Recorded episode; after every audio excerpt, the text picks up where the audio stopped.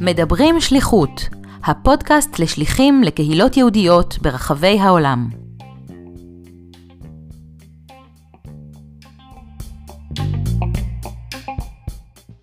שלום למאזינים, כאן דוקטור אסי אהרונוב. אם נושא של שליחות לקהילות יהודיות בתפוצות מעורר בכם התרגשות מיוחדת, אם הנושא מעניין אתכם כשליחים בהווה או בעבר, אם פעם שקלתם לצאת כשליחים לתקופה משמעותית, ואתם רוצים לשמוע על חוויות השליחות מפי כאלו שהיו שם, אני מזמין אתכם להאזין לראיונות שאני עורך עם שליחים בפודקאסט מדברים שליחות. בכל פרק נראיין שליח או שליחה שישתפו אותנו בחוויות השליחות שלהם. נאזין למה שיש להם לספר בנושאים כגון מה גרם להם לצאת לשליחות, מה היה תהליך ההתאקלמות שלהם בקהילה, מה היו הקשיים או ההצלחות בשלבי הקליטה בקהילה, מה היו נקודות השיא בשליחות כמו גם האתגרים המרכזיים איתם התמודדו, כיצד חוו את החזרה לארץ, מהי לדעתם שליחות מוצלחת ועוד. במיוחד נרצה לשמוע מהם הטיפים שהם יכולים לחלוק עם שליחים אחרים או כאלו ששוקלים לצאת לשליחות.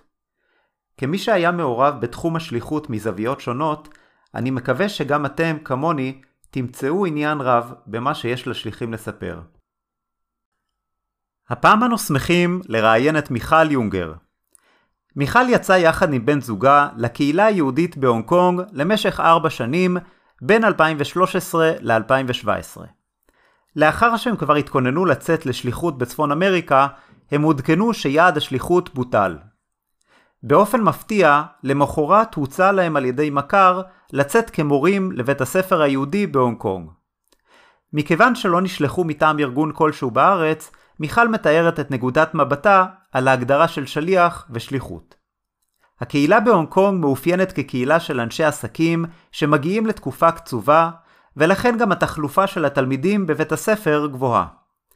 מיכל מספרת על האתגרים שניצבו בפניהם כאנשי חינוך במציאות של תחלופה גבוהה ושל תלמידים מרקעים מגוונים.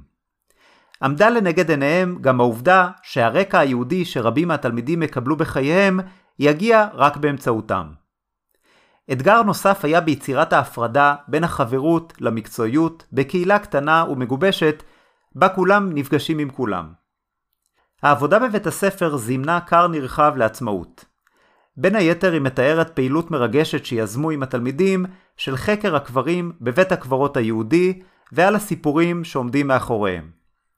מיכל מדגישה את חשיבות הצבת המדדים הריאליים לשליחות וגם משתפת במחשבותיה על עתיד השליחות בדרום מזרח אסיה. בפן האישי היא מתארת כיצד השפיעה השליחות על חייהם ועל גישתם להעיז ולחשוב בגדול. הדבר בא לידי ביטוי גם בעבודת הדוקטורט עליה מיכל שוקדת בימים אלו העוסק בשליחים כסוכני שינוי במערכת החינוך. בשל אורכו של הרעיון הוא פוצל לשני פרקים. אני מקווה שתהנו מחלקו הראשון של הרעיון בפרק הנוכחי.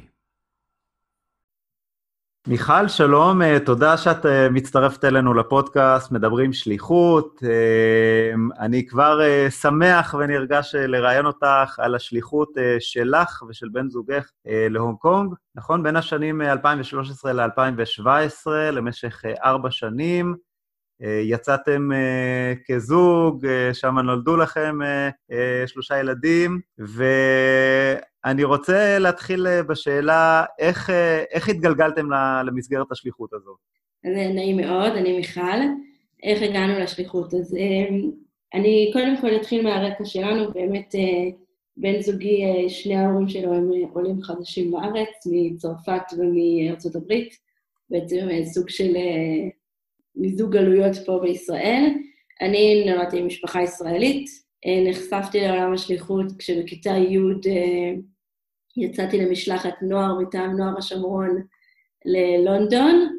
האמת שזה היה בהנחיית אה, נתן קנדלר שהתארח אצלך באחד הפודקאסטים הקודמים. נכון. ושם ככה נחשפתי לעולם הזה שבאמת ריתק אותי וידעתי שאני עוד אחזור אליו. אה, המשכתי בשנת שירות אה, בחו"ל, בתפוצות בלוס אנג'לס. שם לימדתי שנה גם בבית ספר תיכון יולה, וגם בבית ספר היסודי מימוניטיז.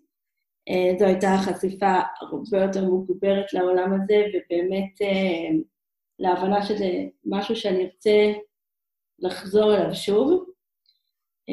כשהכרתי את, את האיש שלי, כבר מהדייט הראשון אנחנו אמרנו שיום אחד אנחנו נעשה ביחד שליחות, ושליחות הוראה, שמבחינתנו זה היה משהו מאוד חשוב. התכוננו לזה, הוצאנו תעודות הוראה, במיוחד לטובת העניין. אני מגיעה מהעולם של, שיו, של שיווק ופרסום, ובן הזוג שלי מעולם של משפטים, אבל אמרנו שאנחנו רוצים להקדיש כמה שנים לטובת עם ישראל והתפוצות שלו, וזהו, בשנת 2013 הבשילו התנאים והחלטנו לנסוע. והאמת היא שפה יש איזשהו, איך הגענו דווקא להונג קונג, זה סיפור אה, באמת, כמו שאנחנו אומרים, לגמרי לגמרי משמיים. אנחנו בכלל היינו מיועדים לנסוע דרך אה, הסוכנות היהודית לקהילה אה, בצפון אמריקה. אה, בן הזוג שלי היה צריך להיות בשליחות בלתי פורמלית של תנועת נוער, אה, ואני הייתי צריכה להיות אה, מחנכת בבית הספר, בבית הספר היסודי בקהילה. כבר הודענו בעבודות שלנו בארץ שאנחנו עוזבים, אנחנו כבר ממש, הכל היה סגור, והגיע יום העצמאות, אני מדברת איתך על מאי, כשאנחנו אמורים לנסוע בסוף יוני. כן. ובמוצאי יום העצמאות מתקשרים אלינו מבית הספר, אה, בן אדם שהיה בקשר איתנו בקהילה בארצות הברית, ואומרים לנו שהם מצטערים מאוד, אבל יש להם שיקולי תקציב שהם לא היו מודעים אליהם, ושהם החליטו לבטל את התקן שלנו. ואנחנו בהלם. אנחנו... זה ממש ב... ברגע האחרון. חודש וחצי לפני נסיעה, מטעם uh, תנועת הנוער אמרו שאין להם כל כך מה לעשות, כי בסוף התקציב מגיע מהקהילות. אנחנו היינו בהלם, ועוד לא הספקנו להתאושש מזה, יום למחרת מתקשר אלינו מישהו שהיה שכן שלנו באחד הגלגולים שלנו כמה שנים לפני, לא חבר קרוב, לא מכיר. והוא מתקשר ואומר לנו, תקשיבו, אני כרגע שליח בהונג קונג, שמעתי שאתם אה, חושבים ורוצים לצאת לשליחות, רציתי להציע לכם לבוא ולהחליף אותי. והיינו בהלם, לא ידענו בכלל מאיפה זה מגיע. אמרנו, תשמע, בדיוק אתמול ביטלו לנו את השליחות, אה, אז אה, בוא, בוא, בוא נשמע. לא ידענו שום דבר על הקהילה בהונג קונג, היינו באמת מופתעים לחלוטין. קבענו אה, פגישת, אה, אז היה סקייפ אה, עם המנהלת. התרשמנו מאוד, היא התרשמה מאוד, ואחרי שבוע, מה שנקרא, כבר ארזנו מזוודות להונג קונג, למשרת הוראה שם בבית הספר.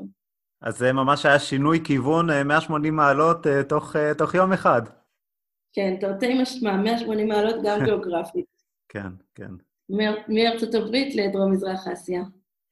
אז, אה, אז אה, אני, אני אשמח אה, קודם כל לשאול, כי באמת המסגרת השליחות שלכם היא מסגרת מאוד ייחודית, כן? אפשר להגיד שלא נשלחתם מטעם שום גורם בארץ, בסופו של דבר אפשר לקרוא לזה שליחות, שליחות עצמאית, והשאלה באמת מבחינת הגדרה של שליח או שליחות, איך, איך את רואה את הדברים? כי יש שתי תפיסות שאפשר להגדיר בנוגע לשליחות, אחת אה, שזה, יש גורם ששולח אה, את השליח, ואז את השליח אה, מטעמו, או שכמו שבאמת יש, יש הרבה שמגדירים את השליח כיום כאיזושהי פונקציה שמתווכת או מחברת בין, בין ישראל לתפוצות, הגדירו את המונח הזה גם בתור exchange.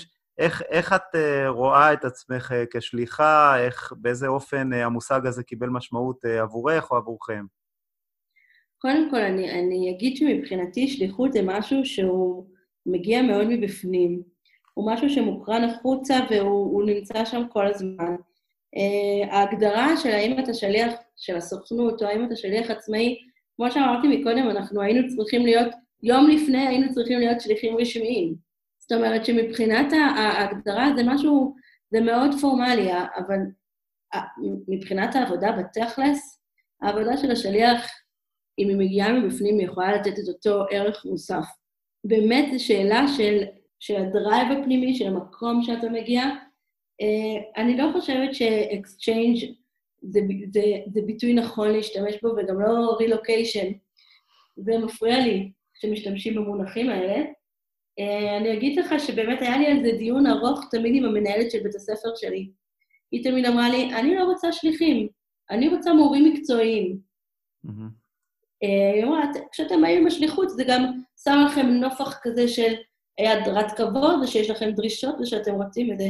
ואני הייתי אומרת לה בדיוק הפוך, כשאני באה בתור שליחה, אני נותנת את כל כולי, אני הגדרתי לעצמי שאני באה ל-X, Y, Z שנים, וזה שנים שאני, מיכל הפרטית היא, לא רלוונטית, ואני מגיעה לתת את כל כולי למען עם ישראל, ולקשר שבין התפוצות לארץ ישראל, בהקשר הזה אני מאוד מזדהה עם חלק ממה שאמרת, של, שהשליח הוא סוג של, של צינור במובן הזה שהוא, שהוא מראה, שהוא משקף, שהוא נותן דוגמה אישית, ולכן, כמו שאמרתי מקודם, שליחות היא לא מסתיימת בארבע אחרי הצהריים כשאת מסיימת בבית הספר. וזה משהו שאנחנו מאוד מאוד השתדלנו לעשות אותו כל הזמן. זאת אומרת, אחרי הצהריים היו מגיעים אלינו תלמידים הביתה, ובשבתות היינו עושים ארוחות עם התלמידים, והשליחות היא 24/7. כן, אז uh, מבחינת העבודה בפועל, uh, בהחלט זה, זה אופי עבודה דומה לכל שליח אחר. אז בואי, אם תוכלי טיפה לתאר את, ה, את הקהילה שם, ומאיזה אוכלוסיות מורכבת הקהילה, ועם מי, מי אתם עבדתם. בשמחה. אז אני אעשה ככה קצת סקירה היסטורית קלה, כי באמת זו קהילה מאוד מאוד מיוחדת ו... ושונה מקהילות אחרות בעולם. באמת אה, הונג קונג זה, זה מה שנקרא, אה, היום קצת אה, יש שם את כל העניין של המהומות, אז הדברים קצת בשינוי, אבל נכון, עד לפני כמה שנים, הונג קונג הייתה השער, השער של העולם לאסיה ולדרום-מזרח אסיה, ובעיקר לסין. באמת זו עיר מאוד מאוד עסקית, ושבעצם עיר, היא עיר מדינה די חדשה, בסך הכל 170 שנה. היהודים נמצאים שם ממש מתחילת הדרך, משנת 1850 מגיעים לשם כבר היהודים הראשונים. אנחנו מדברים על אה, משפחות מבגדד, עיראקיות, משפחות ששון וכדורי, שמגיעות בעצם דרך הודו ומתיישבות בהונג קונג ושולחות את הבנים שלהם לשנגחאי ולסינגפור, ובעצם אה, יוצרים, יוצרות אה, מערך עסקי מאוד מאוד ענף בכל דרום-מזרח אסיה, משפחות מאוד עשירות. אה, עם השנים הקהילה, אה, מצטרפים אליה גם פליטים אה, אשכנזים, והקהילה קצת משנה את פניה. בגדול מדובר בקהילה עסקית ומבוססת, ועד היום המאפיין המרכזי של הקהילה זה שזו קהילה בלי... היא קהילה מאוד משפחתית, אבל לכל משפחה שמגיעה אין שורשים, אין סבא וסבתא, אין, אין מסורת של ההורים שלי גרים פה, וסבא וסבתא שלי גרו פה, וההורים שלהם גרו פה, ואני דור.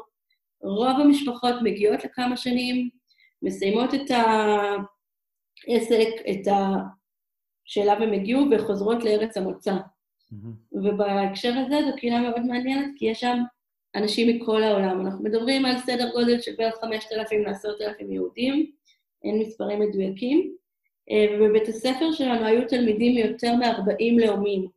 ממש בית ספר אה, בינלאומי. זה בית ספר יהודי שהוא בינלאומי.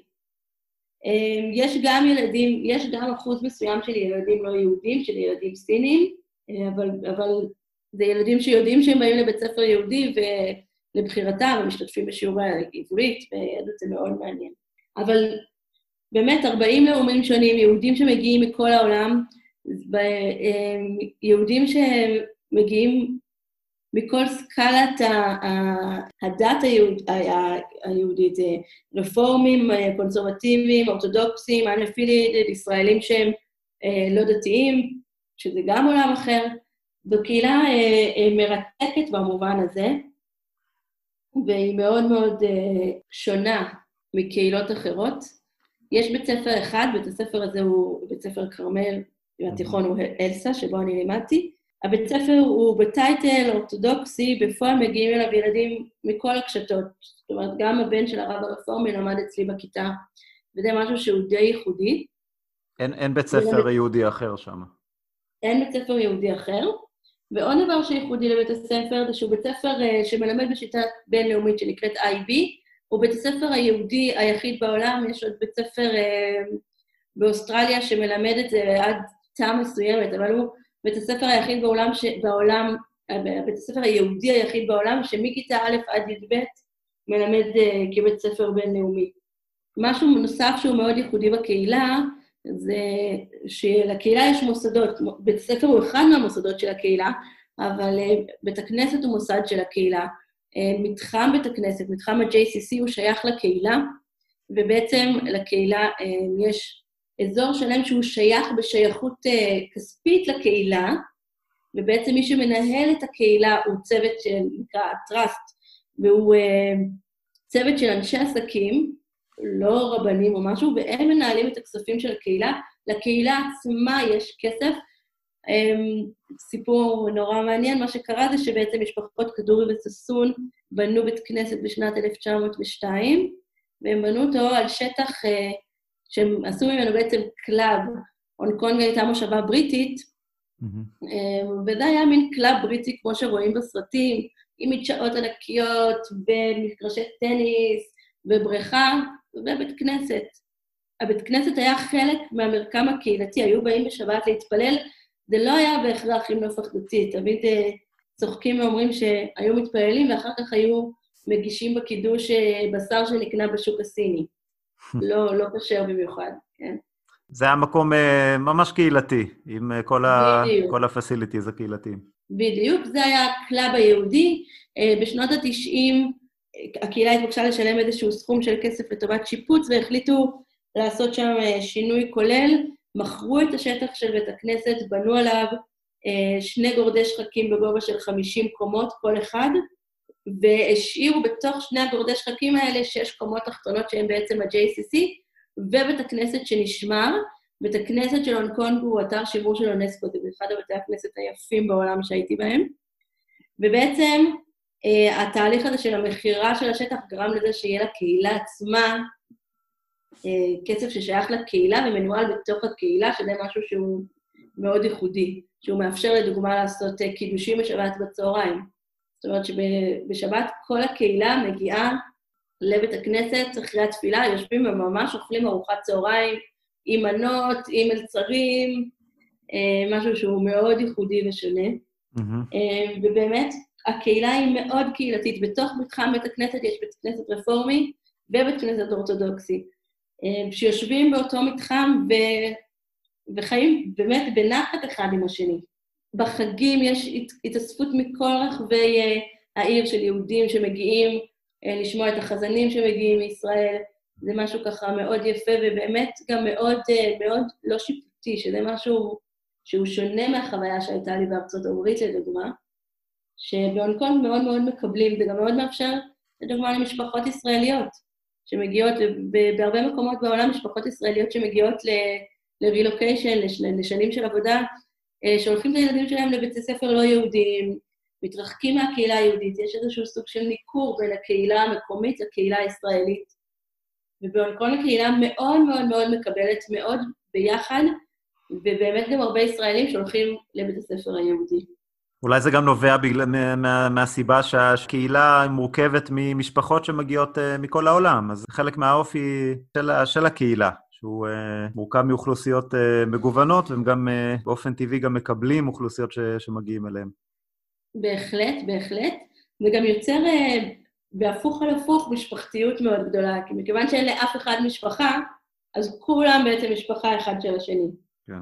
את תוכלי טיפה לתאר, אה, האם יש שליחים נוספים שם? האם... אה, איך, איך נראה עולם השליחות בהונג קונג מבחינה היסטורית, בתקופה שאתם הייתם?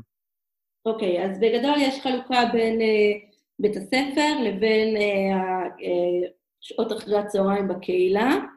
בקהילה יש בבית הכנסת אה, את הרב, ויש לו עוזר, עוזר הרב, שזו משפחה של שליחים שמגיעה, גם זו גם שליחות אה, פרטית, לא דרך הסוכנות. אה, משפחה של, ש, שבעצם הם עוזרי הרב, הם אחראים על כל הפעילות הבלתי פורמלית אחרי הצהריים, הם מנהלים את סניף בני עקיבא המקומי. בשנים האחרונות יש גם שתי שליחות צעירות של בני עקיבא שמגיעות, פורמלית דרך בני עקיבא. עוד פעם אני אגיד שהסניף של בני עקיבא הוא לא אה, סניף של בני עקיבא סטנדרטי, מגיעים אליו אה, ילדים מכל רחבי הקשת, בלי שיפוטיות של מי ומטה. בבית הספר יש אה, מורים ליהדות, בבית הספר בעברית, אה, בבית הספר היסודי יש אה, זוג או שניים, תלוי בשנה, ועוד מורה או שתיים רווקות, ובבית הספר התיכון יש שתי זוגות של אה, מורים ליהדות ועברית. אני אגיד שמלבד שני הזוגות האלה, שאר המורים בבית הספר הם לא יהודים בכלל. אה, וכיאה להונג קונג הם מגיעים מכל רחבי העולם, זאת אומרת שבצוות שלנו היה אה, אה, מורה מסרי לנקה והייתה מורה מדרום אפריקה, היו מורים מאנגליה, היו מורים מצרפת, באמת מכל רחבי העולם. Mm-hmm. ואנחנו היינו, אנחנו ועוד זוג של מורים, ארבעה מורים שבעצם עלינו כל יהדות בית הספר מושתתת, שזה הרבה לסחוב על הגב, וזה אתגר, אבל זה גם uh, מאוד מאוד מספק, וזה, ויש פה הרבה, הרבה, הרבה עבודה והרבה מה לעשות. אז uh, עוד מעט, עוד מעט ניכנס באמת להיבטים החינוכיים יותר, אבל uh, עוד בהקשר התרבותי הכללי של האוכלוסיות ש, שנמצאות uh, שם בהונג קונג, אז דיברת על האוכלוסיות המגוונות בקהילה היהודית. תוכלי טיפה אה, לתאר את איך הרגשתם בתוך אה, תרבות הכללית ובממשקים מול, מול האוכלוסייה המקומית. אוקיי, okay, תראה, בהתחלה זה, זה שוק. זה להגיע למזרח, זה הלם. אנחנו נחתנו ב, באמצע יולי, הונג קונג זה מקום מאוד מאוד חם, 30 מעלות, 100% לחות. אה, גשם מטורף באמצע יולי, אה, פוגש אותנו ב... כשאנחנו יורדים מהמטוס, בחור בשם ריקו, הוא היה אב הבית של בית הספר, סיני כמובן, הוא אה, מסתכל עלינו ורואה את המזוודות בידיים שלנו, והתגובה הראשונה שלו היא, היה, ואנחנו בהלם, כאילו, עושה לנו פרצוף כזה של כאילו, מה הבאתם פה? ואנחנו ממש הרגשנו ככה לא נעים, נכנסנו עוד לאוטו, הוא מתחיל לנסוע ואנחנו בשוק. אנחנו אומרים לעצמנו, מה זה הגשם הזה? ואנחנו מתקרבים לעיר, ובתוך העיר אנחנו רואים כל מיני uh, חנויות סיניות עם כל מיני מאכלים סינים תלויים כזה מבחוץ, ואנחנו בהלם. אנחנו אומרים לעצמנו, חשבנו שהגענו למדינה מערבית.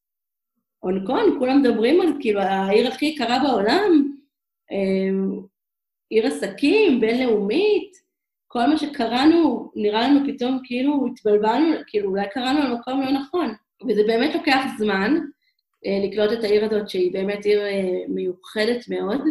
אתה כל היום בממשקים עם, הקהילה, עם הקהילות המקומיות, כי כמו שאמרתי, קודם כל, כל המורים שמסביבך הם לא יהודים, וכל ה, כל המנהלה של בית הספר הם uh, סינים, ואנחנו היינו אחראים גם על כל החינוך הבלתי פורמלי בבית הספר, וזה הרבה התעסקות לוגיסטית, והכל מול, מול הסינים שיושבים שם, ההונג קונגרים, זה לוקח המון זמן, קודם כל להבין את הראש שלהם, להבין איך הם פועלים, אמ, להבין את השפה שלהם, את המנטליות, לדבר. בואו נגיד ככה, לקח לנו שנה לתקשר איתם בצורה שידענו שהדברים יקרו. כי בשנה הראשונה כל הזמן היו טעויות אה, מביכות, מצחיקות, מטופשות, של, של באמת חוסר הבנה ש, שמגיע על רקע תרבותי, והפער הוא, הוא באמת מטורף, כי, כי הם סינים. והם מדברים בסינית, והם חושבים סינית, וזה... סתם גם... אם אני צריכה לתת דוגמה, הסינים הם מאוד... Uh, מה שאומרים להם זה מה שעושים, הם לא חושבים... אנחנו ישראלים רגילים להגדיל ראש, רגילים שחושבים מחוץ לקופסה. אה, תמיד אני אומרת, כאילו, לסינים, תשים לו קיר ברוחב 50 סנטימטר, תגיד לו ללכת ישר, הוא ייתקע בקיר, הוא לא יזוז ימינה.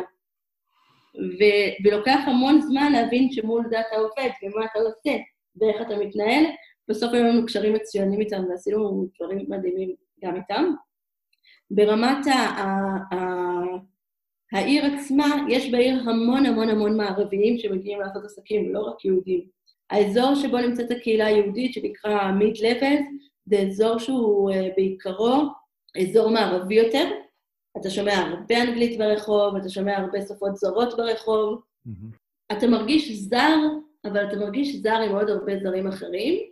אה, ואני אגיד לך שבסוף, בשורה התחתונה, אחרי ארבע שנים בהונג קונג, כשהייתי מטיילת בסין והייתי גם נוסעת לבד לטייל, הייתי חושבת לעצמי שאני מרגישה בדיוק כמוהם, אני אפילו לא שמתי לב שאני זרה ושאני שונה. הם, הם אנשים... הם, הם כנראה כן תפסו אותך בתור זרה, אבל את לא, לא ראית את זה על נכון, נכון. אני גם אגיד שבאמת, הקבלה שלך בתור יהודי היא שונה ממה שאני רגילה באזורים אחרים בעולם. לא רק שאין אנטישמיות, הם מאוד מאוד מאוד אוהבים את ישראל הסינים. כשאתה אומר להם שאתה מישראל, אז לא פעם ולא פעמיים היו מתרגשים ומבקשים ללחוץ את היד שלי ולהצטלם איתי, ויש המון המון הערכה לעם היהודי ולמדינת ישראל, ויש תחושה של ביטחון, אה, הביטחון האישי בהונג קונג הוא אחד, בין הגבוהים בעולם. זאת אומרת, אתה מסתובב בעיר בתחושה של, אמנם אני זר פה, אבל באמת זה מקום ש, שקל להיות בו זר, שנעים להיות בו זר גם בתור יהודי. מעולם לא היינו צריכים להסתיר את הכיפה, אה, מעולם לא הרגשתי שאני צריכה אה, ללכת שונה כי אני עם, עם כיסוי ראש, שמסתכלים עליי. ארבע שנים שם ולא הייתה לנו אה, תקרית אחת שאפילו קרובה למשהו שהרגשנו שהוא אנטישמי. אז בהקשר הזה באמת, אה, זה אומנם אה, ללכת לסין וזה אומנם תרבות שונה מאוד, אבל זו תרבות ש... שנעים להיכנס אליה. אז תוכלי לתאר את השלבים של ההתאקלמות? איך, איך היו השלבים לאורך השנה הראשונה ש, ש, שתיארת, ובכלל במשך ארבע שנים, עד שהגעתם למצב שבו את אה, הרגשת שאת יכולה להסתובב ולא מרגישה זרה? אוקיי, okay, אני, אני אתחיל מזה שאני באופן כללי, בלי קשר לשליחות הספציפית שלנו, אנחנו כשנסענו חשבנו שאנחנו ניסע לשנה וסיימנו בסוף עם ארבע שנים. אמ, אני מאוד מאמינה בזה שאחד אחד ה, אחד, אחד התכונות החשובות אצל שליחים זה גמישות ויכולת של אמ, הבנה מהירה של סיטואציות והתאקלמות מהירה. וחוץ מזה, צריך גם לבוא עם הרבה ענווה ועם הרבה מקום של, אמ, של למידה. אנחנו עשינו המון המון המון למידה מקדימה. לפני שהגענו לשליחות, קראנו על ההיסטוריה, דיברנו עם שליחים שחזרו, הבנו את ה... לאן אנחנו הולכים, חשבנו שהבנו כמובן, שבסוף אתה לומד בשטח הרבה יותר, ואנחנו גם ידענו שהשנה, שה, שהתקופה הראשונה תהיה תקופה של למידה. אה, בראייה לאחור אני בהחלט יכולה להגיד שהשנה הראשונה היא שנה של עבודה קשה של למידה, של, של עם מה אתה מתמודד, מה המטרות, מה היעדים, מה עושים. השנה השנייה אה, היא שנה של אה, אימוץ של האסטרטגיות, ש, של ההבנות של, שהבנת מהשנה הראשונה, ובעצם רק בשנה השלישית והרביעית מתחילים לקצור את הפירות ובאמת ללכת קצת יותר אה, על אוטומט, במובן הזה שאתה כבר יודע מה אתה עושה. אה, במיוחד כשאתה מגיע לקהילה כזאת שהיא שונה מאוד בהרכב שלה, ושהיא שונה מאוד במיקום הגיאוגרפי שלה, ושהיא שונה מאוד גם, גם בהקשר של, של איך האוכלוסייה תופסת את עצמה. זאת אומרת, זה שאנחנו מדברים על קהילה שהמשפחות באות והולכות ובאות והולכות, ותחלופה מאוד מאוד גבוהה של, של חברי הקהילה, אה, יש לזה אה, פער משמעותי ויש לזה מקום משמעותי באיך אתה בתור שליח צריך לבצע את העבודה שלך. אה, באמת השנה הראשונה הייתה הרבה שנה של ניסיון וטעייה, מה גם שהגענו ממש כמה שנים אחרי שבית הספר התיכון הוקם. בית הספר היסודי היה כבר קיים 20 שנה, אנחנו הגענו בשנה הרביעית של בית הספר התיכון. כל הנושא של לימודי היהדות היה עוד מקרטע, ו...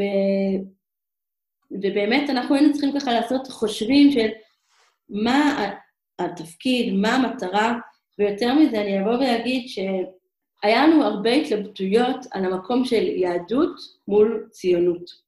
על מה לשים את הדגשים, מה המקום שלנו.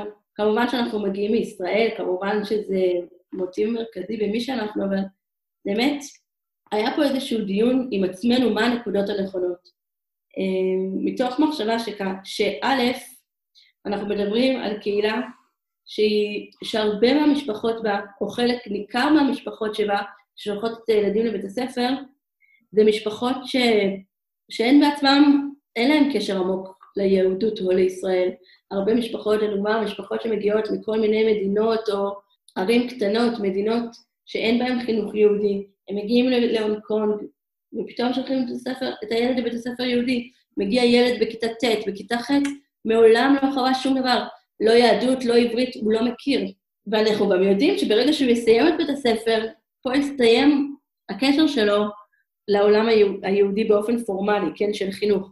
כן. ובעצם היה פה אה, ניסיון אמיתי שלנו להבין את המטריה שבה אנחנו נמצאים, ואיך אנחנו עושים הכי טוב עם מה שיש לנו. אה, בנינו תוכנית חמש-שנתית, ובאמת, כמו שאמרתי, היה לנו פה התלבטות האם ציונות היא הדגש או יהדות היא הדגש, וכמו שאמרתי אה, כמה פעמים, באמת הקהילה בהונג קונג היא קהילה של אנשים שכבר נעקרו פעם אחת מהשורש שלהם, mm. עשו פעם אחת את המעבר מהמדינה שלהם. דרך אגב, כל אחד ואחד מהילדים שהיו לנו בבית הספר, גם כאלה שנולדו בהונג קונג, אם אתה שאלת אותו מה הוא, אף אחד לא אומר שהוא הונג קונגר. אף אחד לא אומר שהוא מהונג קונג. כל אחד אומר את מדינת המוצא של ההורים שלו. זאת אומרת, ההשתייכות שלו להונג קונג היא, היא, לא, היא לא נמצאת שם. כלומר, בהקשר הזה דווקא היה לכם אתגר אפילו יותר uh, מורכב, כי, כי הייתם צריכים uh, איכשהו uh, לתפוס את הרקעים של כל, ה, של כל הילדים מכל המקומות ו, ולנסות uh, להבין איך, איך להתאים את המסרים ש, שיתאימו ל, למגוון גדול של אוכלוסיות. לגמרי, ממש ממש, ומתוך מחשבה וידיעה שמה שאנחנו מלמדים, זה מה יש. זאת אומרת, הם לא יקבלו ממקום אחר. בדיוק, אין להם מקור אחר לקבל ממנו, וזה מאוד, זה אתגר מאוד גדול. אז באמת, כשבחנו את הדברים, אנחנו אומרים, הקהילה בהונקונג היא קהילה מאוד ציונית. אמ, וזה משהו שהיה לי מאוד שונה מלדוגמה מארצות הברית. כי בארצות הברית, כשאתה מדבר על עלייה, אה, או ה-A-word, כי הרבה פעמים אומרים לך, אסור בכלל לדבר על זה, זה נושא שהוא מאוד מורכב רגשית. לעזוב את הבית, לעזוב את, ה, את המסורת הקהילתית, זה משהו שנשען על הרבה מאוד רגש ועל הרבה מאוד מקום. כשאתה אומר למישהו בהונג קונג, בוא תעלה לישראל, התשובה לרוב תהיה, אוקיי, זו אופציה. ובפעמים הראשונות ששמעתי את זה, אני הייתי די בשוק. אין פה משא ומתן, אין פה שכנוע. זה אנשים שכבר עשו פעם אחת את המעבר, mm. וישראל היא בהחלט אופציה, ובאמת אה, יש עלייה מאוד גדולה מהונג קונג, הרבה פעמים, הרבה אנשים, התחנה הבאה שלהם, ולאו דווקא ישראלים, אחרי הונג קונג, היא ישראל. ובמקום הזה הרגשנו שבאמת התפקיד שלנו הגדול הוא, הוא, הוא לדבר יותר על יהדות, וההבנה שמי שלא מגיע לישראל אחרי הונג קונג, הדבר היחיד שישאיר אותו מחובר לסיפור הזה של ישראל בסופו של דבר, זה היהדות שלו, והחיזוק של הזהות היהודית. וזה היה הדגש ששמנו, והתחלנו מהשאלה של מה היה התהליך שלנו, ובאמת השנה הראשונה הייתה שנה של הרבה חקירה, של הרבה הבנה, של הרבה להבין מה הדברים הנכונים שעליהם, שבהם אנחנו צריכים להתמקד.